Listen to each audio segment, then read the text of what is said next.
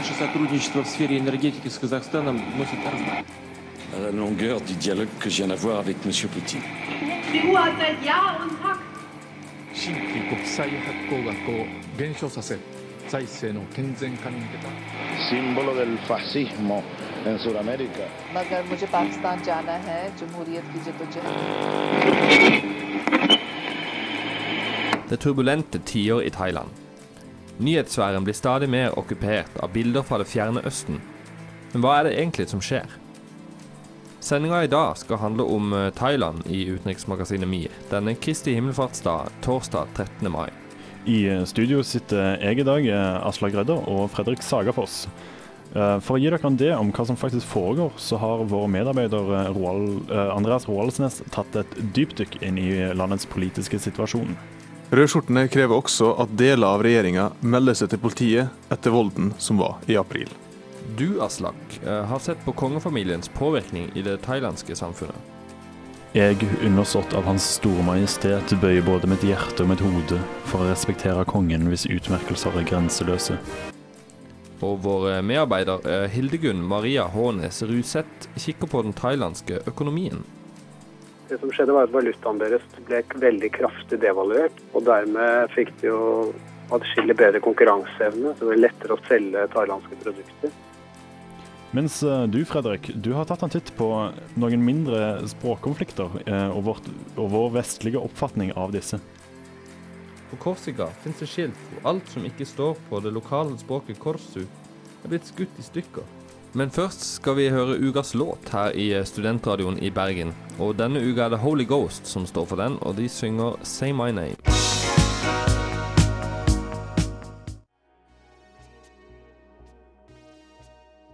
Det har eh, generelt vært relativt lite oppmerksomhet rundt eh, Thailand eh, og hele regionen Øst-Asia i eh, utenriksmagasinet MIR. Og eh, generelt kanskje også i vestlige media. Eh, og dette har jo forskjellige årsaker. Uh, Du har jo et, uh, en hypotese der, Aslak. Ja, for jeg snakket med en professor her nede på YIB. Um, han mente det at noe av grunnen kan nok være det vanskelige språket i Thailand. Um, I forhold til Japan og Kina så, så um, er det thailandske språket ikke like brukbart, kan vi vel si. Dette kan òg være litt av grunnen til at det er veldig få um, studenter som reiser til Thailand for å studere der. Og litt grunnen til at utenrikskorrespondentene som er der, har litt problemer med å faktisk forstå situasjonen som, som, som er der nede. Ja, vi får jo en slags eh, Gjennom media så får vi en slags eh, spredte budskap, men vi har jo ingen historisk kontekst. Vi har ikke noe oppfatning av hvordan situasjonen er der nede. Så det blir en veldig uhåndgripelig situasjon vi blir presentert for. Så eh, vi i Utenriksmagasinet MIR har dermed tenkt å, å bedrive litt folkeopplysning denne uka for å, å gi eh, folket et, en bedre forståelse av eh, situasjonen i Thailand, for å da kunne sette denne konflikten inn i en større sammenheng. Og eh, I den forbindelse så starter vi med Andreas Rålsnes Roaldsnes sitt eh, innslag om eh, den politiske situasjonen, eh, for å gi dere et grunnlag på hva som faktisk foregår. Enhver person som prøvde å bestille flyreise til Thailand før jul 2009, var veldig bekymra. En protestbevegelse kalt Gulskjortene okkuperte de viktigste flyplassene i Bangkok i lengre tid, og prøvde å ramme turistindustrien i landet for å fremme sine krav. Krava var å fjerne regjeringa, som de mente var bare ei dukke for den tidligere statsministeren Taksin Shinawatra brukte for å styre landet fra eksil. Billionaire tycoon and ex-Thai Prime Minister Thaksin Shinawatra is cooling his heels in exile at this seven-star hotel behind me. Meanwhile, thousands of miles away in Bangkok, the generals who kicked him out are scrutinizing his every move because he retains his popularity in large sections of Thai society. Taksin Sinawatra er en omstridt personlighet i thailandsk politikk. Han er født nord i landet og har tidligere jobba som politimann. Han utdannet seg i USA og fikk en master i juss. Senere kom han tilbake til Thailand og bygde seg opp et telekommunikasjonsfirma og ble mediemogul, i likhet med veldig mange andre maktpersonligheter i landet.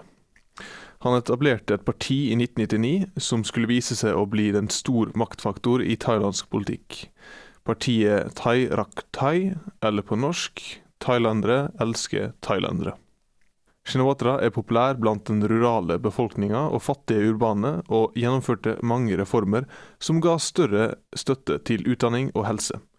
Han fikk også mye skryt for håndteringa av tsunamikrisa fra 2004, men det som skulle bli opprivende i Shinawatras politikk, var at han var en antielitistisk politiker, med kun forakt for det han kalte Bangkok-eliten.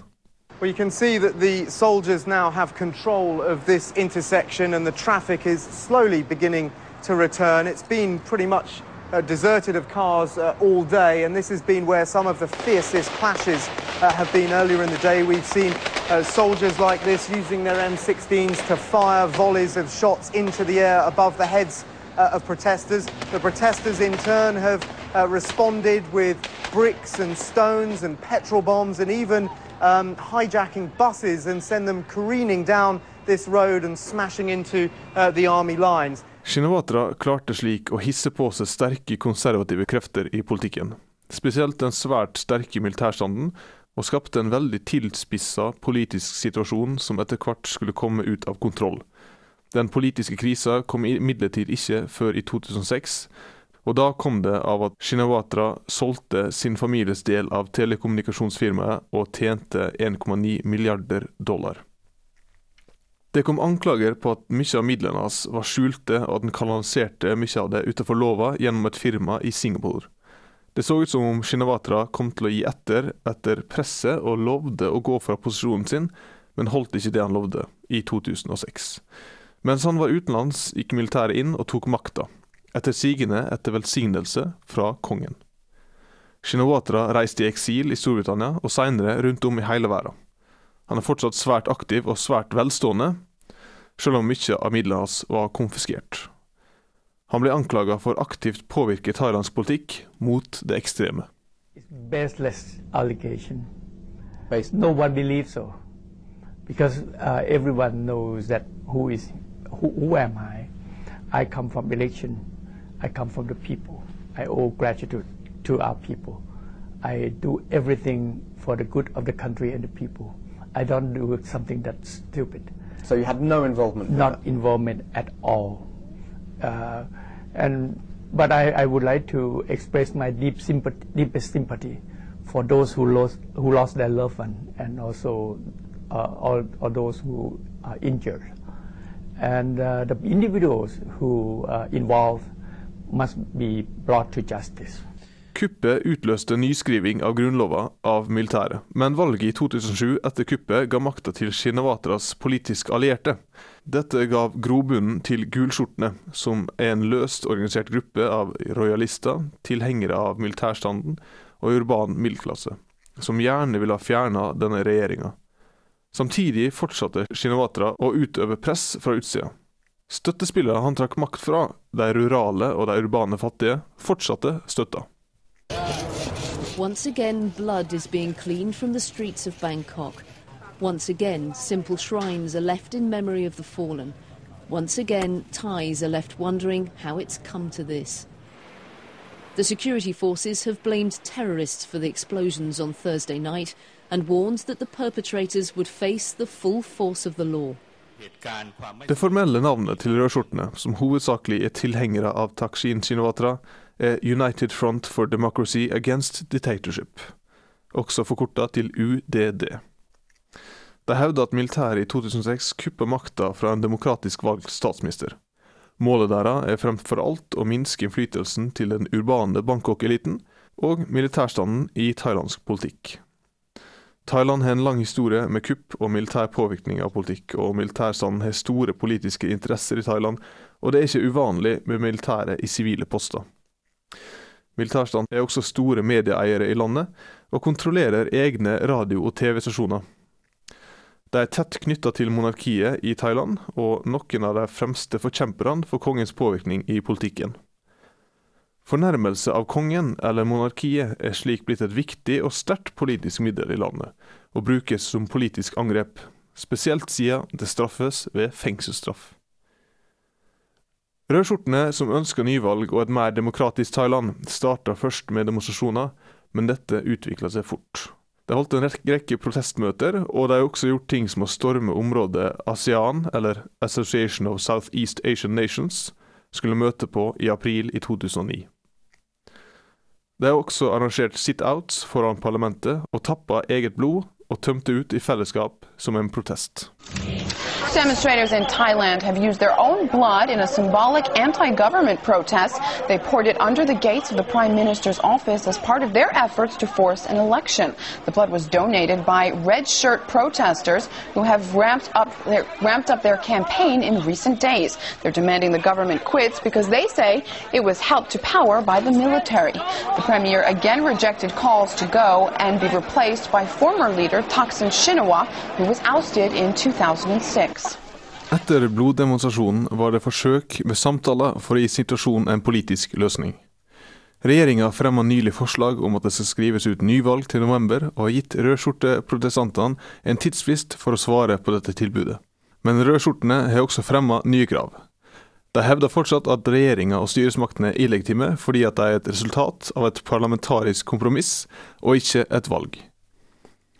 Rødskjortene krever også at deler av regjeringa melder seg til politiet etter volden som var i april. Dødstallene fra protestene er nå oppe i 29. Det er fortsatt veldig usikkert hvordan den politiske situasjonen vil løse seg, om den kan løse seg. I september, når parlamentet blir oppløst og nyvalg forberedes, vil vi kunne vite mer. Der hørte du Andreas Roaldsnes med sitt eh, innslag om eh, den politiske situasjonen i Thailand. Eh, og nå skal vi høre en sang fra ukas album, nemlig Blood Command med 'Alarm All Assassins'.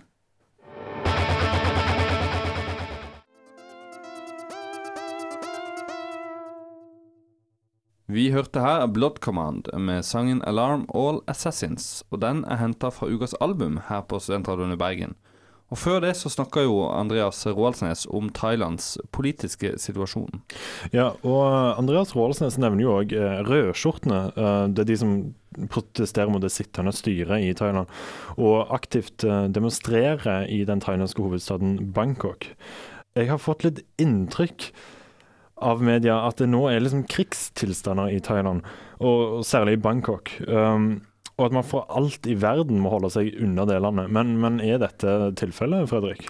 Tja, det, det, er jo faktisk bare i noen få områder det, det foregår væpna opptøyer uh, og demonstrasjoner.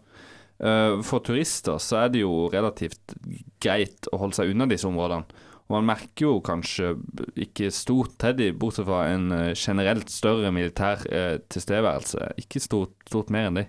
Ikke minst kan jo dette ha noe med f.eks. det som The Guardian nevner i sine artikler, som uh, sier at antallet demonstranter har uh, betydelig gått ned den siste tiden. Fra oppimot 100 000 demonstranter til en liten kjerne i dag, som er på noen få tusen aktive demonstranter. Ja, mange av demonstrantene er jo, eh, de er fattige bønder fra Thailands rurale områder. Og de vil jo De kan jo ikke demonstrere mer nå når rissesongen går i gang senere. Og de, de, er jo kanskje imot den sitter i en eh, regjering, men det er jo ikke nok imot til at de er villige til å gi opp eh, det de lever av, nemlig uh, risdriften. Det er spennende det du sier der, for det har jo gått rykter om at uh, Takshin, denne statslederen i eksil, har uh, subsidiert demonstrantene økonomisk. Han er jo tross alt en mangemilliardær. Han har med andre ord betalt folk for å demonstrere. Dette gjør jo at det virker, eller det kan virke, som om han har større uh, støtte enn det han kanskje har. Og Det er jo veldig vanskelig å vite nøyaktig hvor det thailandske folket står politisk uh, pga. dette. Og det, det, er jo som Andreas sier, at dette vil nok kanskje òg vise seg klarere utover høsten. Å være presidentkandidat i USA krever en hud så tykk at du ikke trenger ryggrad for å stå oppreist. Nå hører du på utenriksmagasinet MIR her på Studentradioen. En sentral del av den thailandske konflikten er jo kongen og kongehuset, som eh, Andreas var inne på. Og i den forbindelse har jo du, Aslak, eh, lagd oss et lite innslag.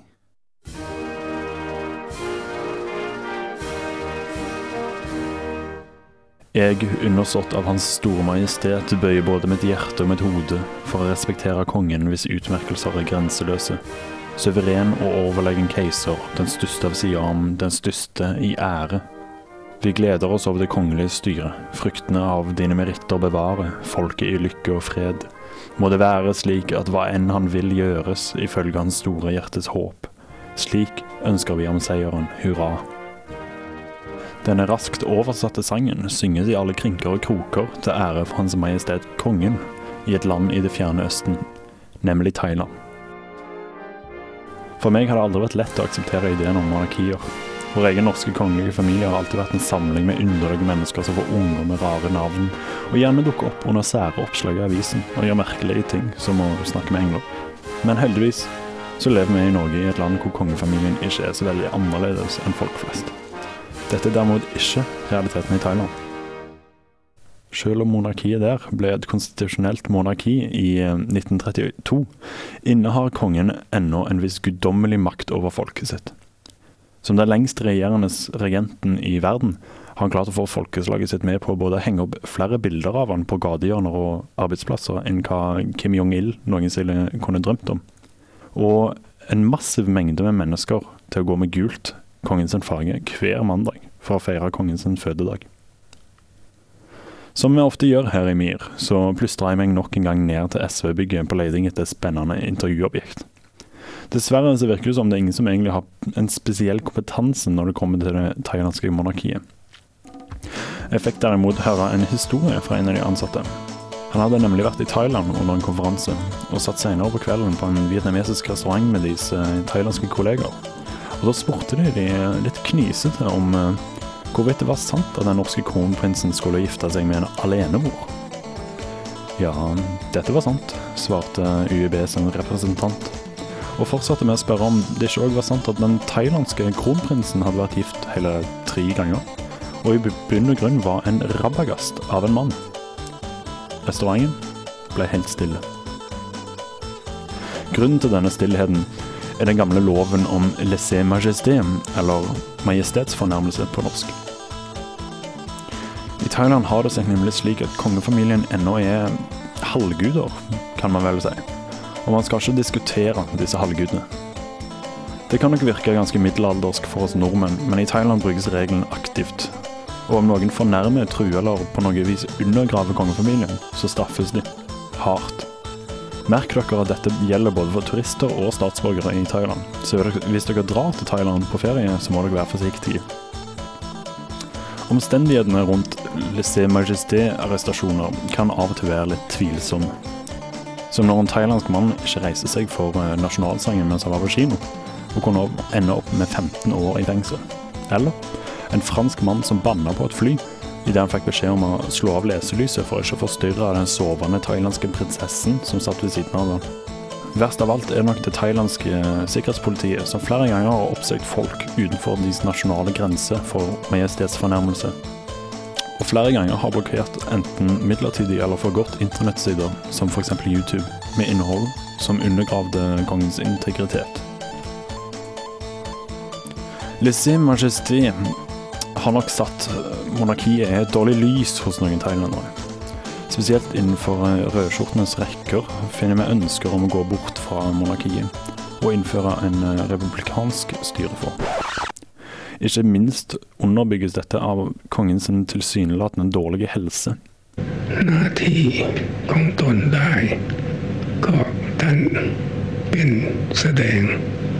ห น้าที่ของตนได้ ก็ท่านเป็นแสดงเป็นตัวอย่าง ว่ามีผู้ที่ปฏิบัติหน้าที่ใหญ่อย่างเคร่งครัด Selv om kongen er høyt akta og kongefamilien godt beskytta av lover, har det seg nemlig sånn at kronprinsen som er kongens etterfølger, er høyst dårlig likt av folket. Han er et utskudd og et sort får som en ikke kan regne med. Et monarki med han i spissen i turbulente tider som dette kunne nok vært fatalt for Thailand.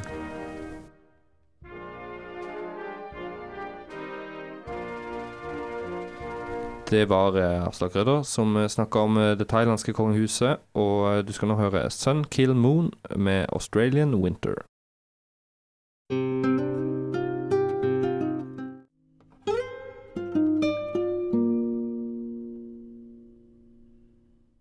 Du hørte der Sun Kill Moon med Australian Winter. Og mens denne her sangen pågikk, så sa du til meg det, Aslak, at du hadde litt mer du hadde lyst til å dele med lytterne om, om det thailandske kongehuset. Ja, for det har seg sånn at jeg syns det er litt viktig av og til å sammenligne disse underlige sakene som skjer i disse underlige fremmede landene, med hva som skjer i Vesten. Um, og bare for å gi dere en liten fun fact, lyttere, så tenkte jeg å si det at hunden til, til den thailandske kongen um, kan ifølge han sjøl uh, prate telepatisk med sine egne valper. Dette her syns jeg ikke er så veldig langt unna uh, vår egen uh, prinsesses samtaler med engler. Vår, vårt eget kongehus og det thailandske kongehuset er kanskje ikke så veldig ulike. Ja, Det du sier der om det thailandske kongehuset kunne kanskje bli tatt som en uh, majestetsfornærmelse dersom du sa det til en thailandsk person? Det kan det uten tvil. Og eh, det kan nok være at hvis det er noen thailandere som hører på dette, så har jeg litt problemer hvis jeg drar til Thailand på ferie. Men um, angående det om uh, majestetsfornærmelser, så har jeg faktisk funnet ut det at Eh, den, eh, den, franske lederen Charles de Gaulle faktisk hadde flere eh, majestetsfornærmelsessaker oppe i, i retten i etterkrigsperioden. Eh, det var flere hundre saker hvor bl.a. det var politikere som delte fakta om hva Charles de Gaulle hadde beordra under eh, krigen. Eh, disse ble dømt til relativt store straffer. Men enda morsommere enn dette, så har det seg sånn at den nåværende presidenten i Frankrike, eh, president Sarkozy, han saksøkte nemlig et firma som lagde voodoo-dokker av han. Dommen som falt over selskapet, var at de ikke fikk lov til å produsere voodoo-dokkene om det ikke sto at når du putta nåler inn i disse voodoo-dokkene, så var det en, eh, et angrep på presidentens verdighet. Ja, så det er thailandske tilstander også i Vesten? Det, si. det, tror jeg. Du har jo også tatt en prat med en uh, som bor i Thailand. og, og Hvordan oppfattes egentlig en sånn, um, sånn situasjon for, for, de som bor der? Altså, ja, for det har seg sånn at um, i um, nyhetsbildet i Thailand så har ikke avisene og media lov til å um, si noe stygt om kongen heller. Alle artiklene må være rosende. Um, til og med internasjonal presse har faktisk hatt store problemer med dette. Og um, som jeg sa i, i, innslaget mitt, så har det thailandske sikkerhetspolitiet vært ute utenfor deres egne landegrenser og tatt tak i folk og kjefta på dem. Um, som Andreas Roaldsnes òg nevner i, i sitt uh, innslag, så er laissez majesté, eller denne majestetsfornærmelsesloven, en ting de politikerne har brukt for å svekke andre konkurrenter. Det er vanskelig for motparten ofte å, å drive en motkampanje, fordi de rett og slett sier at dette er imot kongen. Men uh, hun som jeg snakket med, som har eh, bodd i Thailand, hun, hun, la ikke merke til noe av dette mens hun bodde der. Som mest sannsynlig kan være fordi de ikke får beskjed om det i uh, sitt eget medium. Men samtidig så er det jo tydelig at de prater jo om, um, om kongen og kongehuset. Spesielt kronprinsen, som ikke er godt likt fordi han har gjort mye idiotisk, enkelt og greit. Men det er en slags um, prating bak kulissene. Mm. Man blir altså vant med det meste, kan man si.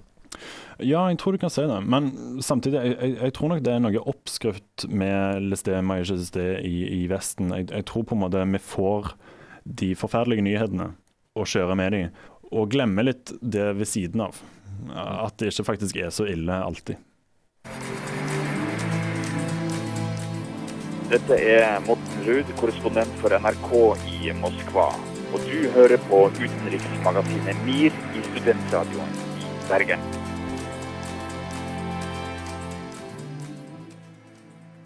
Selv om Thailand ikke er en del av eh, de såkalte asiatiske tigrene, som, som eh, som da er regna som eh, Taiwan, Hongkong, Singapore og Sør-Korea, så sier man gjerne at landet har en eh, såkalt tigerøkonomi. Og Tigerøkonomi betyr egentlig bare at det er et land med en ekstrem økonomisk vekst eh, og veldig økt levestandard innenfor en noenlunde kort periode. Det, og, men likevel så, eller kanskje også pga. dette, så fikk jo Thailand en uh, smell da uh, under den asiatiske finanskrisa i 1997. Eh, og vår medarbeider Hildegunn Maria Hånes Ruseth har tatt en titt på denne Thailands økonomi. Fra 1985 til 1995 var Thailand sin økonomi den raskest voksende i verden. Men så kollapsa alt. I 1997 var han redd at hele verden skulle rammes av en voldsom finanskrise som startet i Asia. Jeg prata med Nils Henrik M. von der Fehr, leder på Økonomisk institutt ved Universitetet i Oslo, om hva det var som gjorde at denne krisa satte inn i 1997. Ja, det var vel en, eh, altså en svikt i tilliten til utviklingen i flere land i Asia. Og det skyldtes eh, at det var eh, stor ubalanse i økonomien. Det var store underskudd i offentlige budsjetter. Og det var en vekst som ikke det var ordentlig grunnlag for. Altså en vekst i forbruket som ikke produksjonen ga grunnlag for. Men er det eh, rett å si, som det står av mange kilder, at, eh, at det starta i Thailand? Det kan du vel på sett og vis si, men eh, det var nok en mye bredere mistillit til flere land i denne regionen. Så at akkurat kan se ut som det startet i Thailand, var nok litt mer tilfeldig. Som ved finanskriser ellers, så gikk Det internasjonale pengefondet inn og ga Thailand og flere andre land i Asia finansiell hjelp etter krisa i 97. Men allerede i 2003, fire år før planen, betalte Thailand de siste restene til denne gjelda. Og to år etter, i 2005, var Thailand sjøl med på å sende bistandsmidler ut av landet. Det hadde skjedd noe med Thailand sin økonomi etter 1997, som for mange er et gledelig, men mystisk eventyr. Eh, men så var jo Thailand eh, veldig hardt ramma, et av de landene som var hardest ramma av den krisa. Eh, og lell så kom de seg veldig fort på fote. Hva er forklaringa på det? Ja, Det var vel litt tilfeldigheter, men også for så vidt en god økonomisk politikk, kan vi si. Altså, eller, altså de, det som skjedde, var at valutaen deres ble veldig kraftig devaluert. Og dermed fikk de jo atskillig bedre konkurranseevne. Så det blir lettere å selge thailandske produkter. Eh, og så viste økonomien seg å ha betydelig omstillingsevne. Altså de forskjellige delene av næringslivet reagerte på og utnyttet de mulighetene som ble skapt. Eh, og så var det nok en ganske tøff eh, politikk på andre områder også, sånn som lønnspolitikk f.eks. Vilje til å rydde opp i offentlige finanser osv. I 2001 ble Taksin Shinawatra statsminister i Thailand, og satt til 2006. Siden mange mente at finanskrisen i 97 kom som en følge av sterk involvering i det internasjonale markedet, satte han det som mål å balansere mellom nasjonsbasert økonomi og internasjonal handel. Kan du kort forklare hva det gikk ut på? Man eh, innførte mer eh, altså en del økonomiske tiltak rettet spesielt mot den fattige delen av befolkningen. Og det var selvfølgelig både populært, men det ga jo også vekst i innenlandske innenlandsk etterspørselen. Men så er det jo mye av Thailands økonomi som fremdeles er basert på eksportmarkedet. Og dette her gjør at landets landet sin egen valuta blir sårbare for endringer i markedet. Kan du forklare hvorfor? Jeg vet ikke om det er riktig å si at, det, at valutaen blir noe mer sårbar av den grunn, men det, er, det, er, jo riktig det at Thailand er et relativt fattig land, og som eh, er avhengig av å importere mye av det de forbruker. Så dermed er de også avhengig av å eksportere for å kunne skaffe seg inntekt. Eh, og de har, fordi det er et eh, fattig land med lavt lønnsnivå, så har de også god, god konkurranseevne når det gjelder bl.a. en god del industriprodukter. Sårbar valuta er ikke det eneste kritikkpunktet i Thailands økonomiske utvikling. For selv om landet sitt økonomi utgjør en slags økonomiens askepott, så er det ikke et vakkert eventyr for alle. I Thailand er fortsatt halvparten av landets arbeidende befolkning jordbrukere.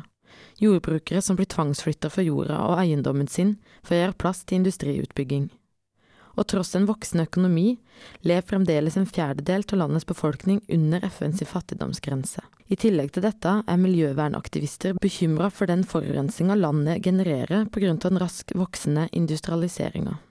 Så en kan vel bare si at alle medaljer har en bakside. Det var altså Hildegunn Hånes Ruseth som intervjua Nils Henrik von der Fehr, eh, leder på Det økonomiske instituttet i eh, Universitetet i Oslo. Og eh, nå skal vi høre på Robin 'Dancing On My Own'.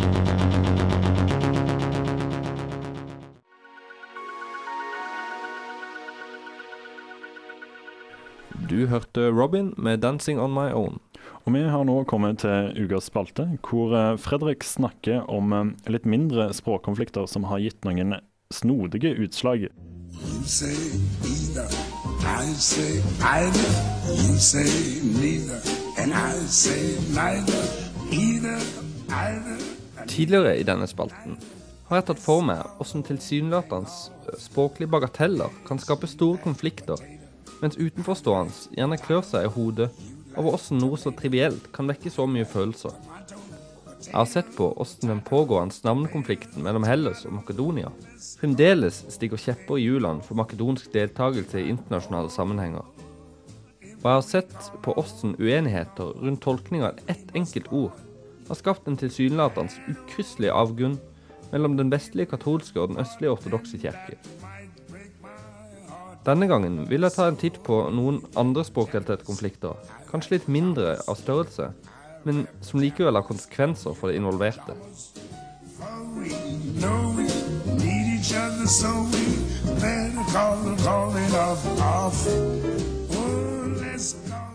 The Economist presenterte tidligere denne våren en kort spalte der de tok for seg et par østeuropeiske konflikter som fremdeles vekker følelser i dag.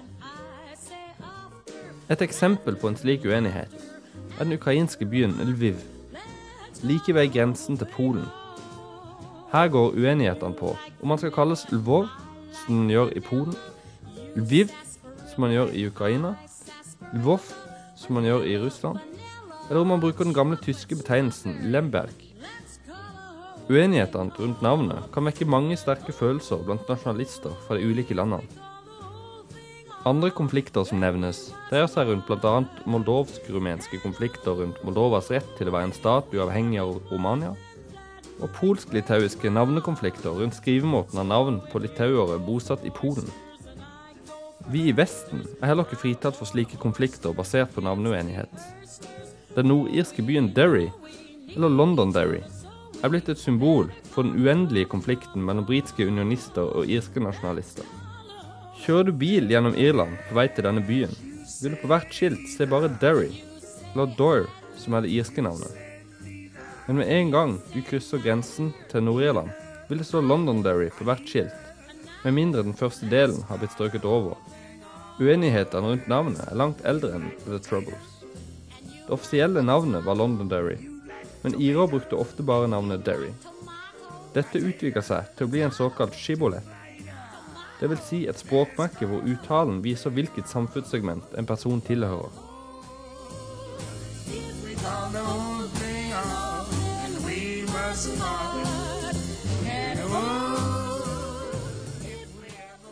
Tilsvarende skiltkonflikter som den man ser i Nord-Irland, ser man andre steder hvor flere språk eksisterer sammen med sterke separatistkrefter. I Belgia kan du risikere å se at tospråklige skilt har fått strøket ut enten den flamske eller den franske delen. På Korsika finnes det skilt hvor alt som ikke står på det lokale språket korsu, er blitt skutt i stykker. Og i Quebec i Canada finnes det en bestemmelse som sier at på tospråklige skilt skal den franske skriften være dobbelt så stor som den engelske.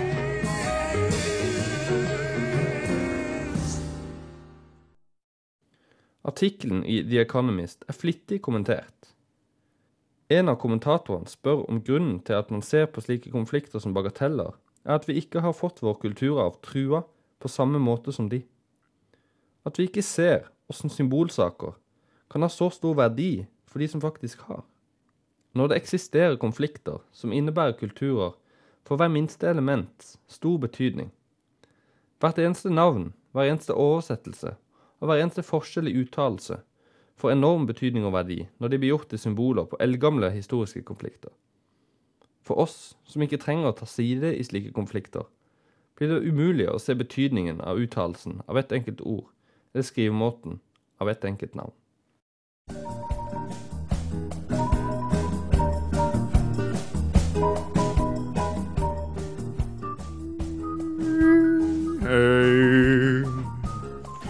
Cold and gray Chicago morning. Ja, lesing, kanskje. Distrahert fra studiene? Ta en pause og hør på Studentradioen i Bergen. Hver dag fra syv til to. 96,4 eller 107,8.